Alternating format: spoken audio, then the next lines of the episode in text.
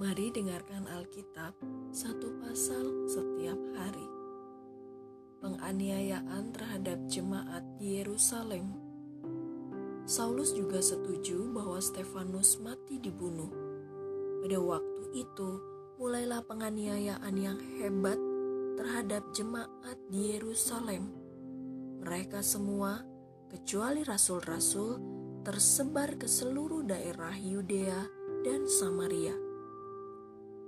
Orang-orang saleh menguburkan mayat Stefanus serta meratapinya dengan sangat.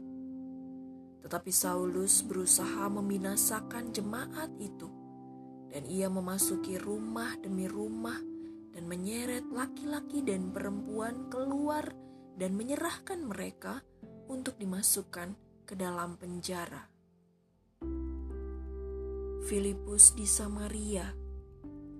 Mereka yang tersebar itu menjelajah seluruh negeri itu sambil memberitakan Injil. Dan Filipus pergi ke suatu kota di Samaria dan memberitakan Mesias kepada orang-orang di situ. Ketika orang banyak itu mendengar perkataan Filipus dan melihat tanda-tanda yang diadakannya, mereka semua dengan bulat hati menerima apa yang diberitakannya itu. Sebab dari banyak orang yang kerasukan roh jahat, keluarlah roh-roh itu sambil berseru dengan suara keras. Dan banyak juga orang lumpuh dan orang timpang yang disembuhkan. Maka sangatlah besar sukacita dalam kota itu. Seorang yang bernama Simon telah sejak dahulu melakukan sihir di kota itu dan mentakjubkan rakyat Samaria serta berlagak seolah-olah ia seorang yang sangat penting. Semua orang besar kecil mengikuti dia dan berkata, "Orang ini adalah kuasa Allah yang terkenal sebagai kuasa besar."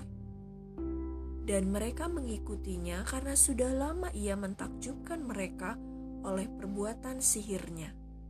Tetapi sekarang mereka percaya kepada Filipus yang memberitakan Injil tentang kerajaan Allah dan tentang nama Yesus Kristus, dan mereka memberi diri mereka dibaptis, baik laki-laki maupun perempuan.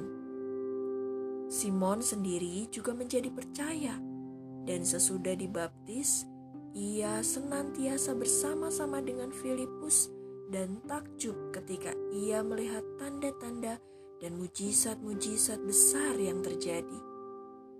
Ketika rasul-rasul di Yerusalem mendengar bahwa tanah Samaria telah menerima firman Allah, mereka mengutus Petrus dan Yohanes ke situ.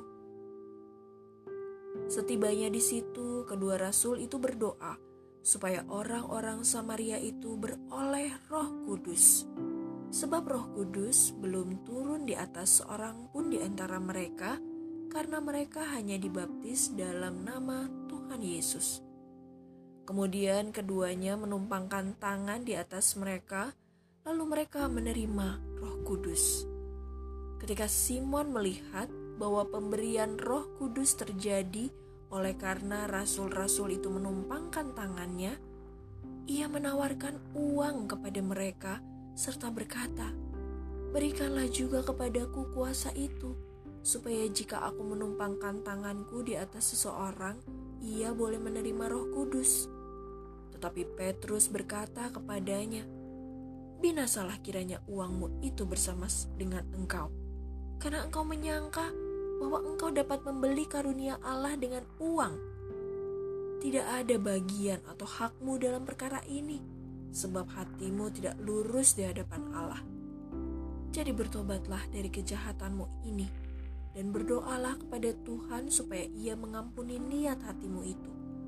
Sebab kulihat bahwa hatimu telah seperti empedu yang pahit dan terjerat dalam kejahatan. Jawab Simon, hendaklah kamu berdoa untuk aku kepada Tuhan, supaya kepadaku jangan kiranya terjadi segala apa yang telah kamu katakan itu. Setelah keduanya bersaksi dan memberitakan firman Tuhan, kembalilah mereka ke Yerusalem, dan dalam perjalanan itu mereka memberitakan Injil dalam banyak kampung di Samaria. sida-sida dari tanah Ethiopia. Kemudian berkatalah seorang malaikat Tuhan kepada Filipus katanya, Bangunlah dan berangkatlah ke sebelah selatan menurut jalan yang turun dari Yerusalem ke Gaza. Jalan itu jalan yang sunyi. Lalu berangkatlah Filipus, adalah seorang Ethiopia, seorang sida-sida, pembesar dan kepala perbendaharaan Sri Kandake, Ratu Negeri Ethiopia, yang pergi ke Yerusalem untuk beribadah. Sekarang orang itu sedang dalam perjalanan pulang dan duduk dalam keretanya sambil membaca kitab Nabi Yesaya.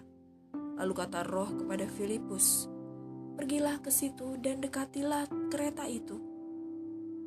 Filipus segera ke situ dan mendengar sida-sida itu sedang membaca kitab Nabi Yesaya. Kata Filipus, Mengertikah Tuhan apa yang Tuhan baca itu? Jawabnya, Bagaimanakah aku dapat mengerti kalau tidak ada yang membimbing aku? Lalu ia meminta Filipus naik dan duduk di sampingnya. Nas yang dibacanya itu berbunyi seperti berikut. Seperti seekor domba ia dibawa ke pembantaian. Dan seperti anak domba yang keluh di depan orang yang menggunting bulunya. Demikianlah, ia tidak membuka mulutnya. Dalam kehinaannya berlangsunglah hukumannya. Siapakah yang akan menceritakan asal-usulnya? Sebab nyawanya diambil dari bumi. Maka kata sida-sida itu kepada Filipus, Aku bertanya kepadamu, tentang siapakah Nabi berkata demikian? Tentang dirinya sendiri atau tentang orang lain? Maka mulailah Filipus berbicara dan bertolak dari nas itu. Ia memberitakan Injil Yesus kepadanya. Mereka melanjutkan perjalanan mereka dan tiba di suatu tempat yang ada air. Lalu kata sida-sida itu, "Lihat, di situ ada air. Apakah halangannya jika aku dibaptis?" Sahut Filipus, "Jika Tuhan percaya dengan segenap hati, boleh." Jawabnya, "Aku percaya bahwa Yesus Kristus adalah Anak Allah."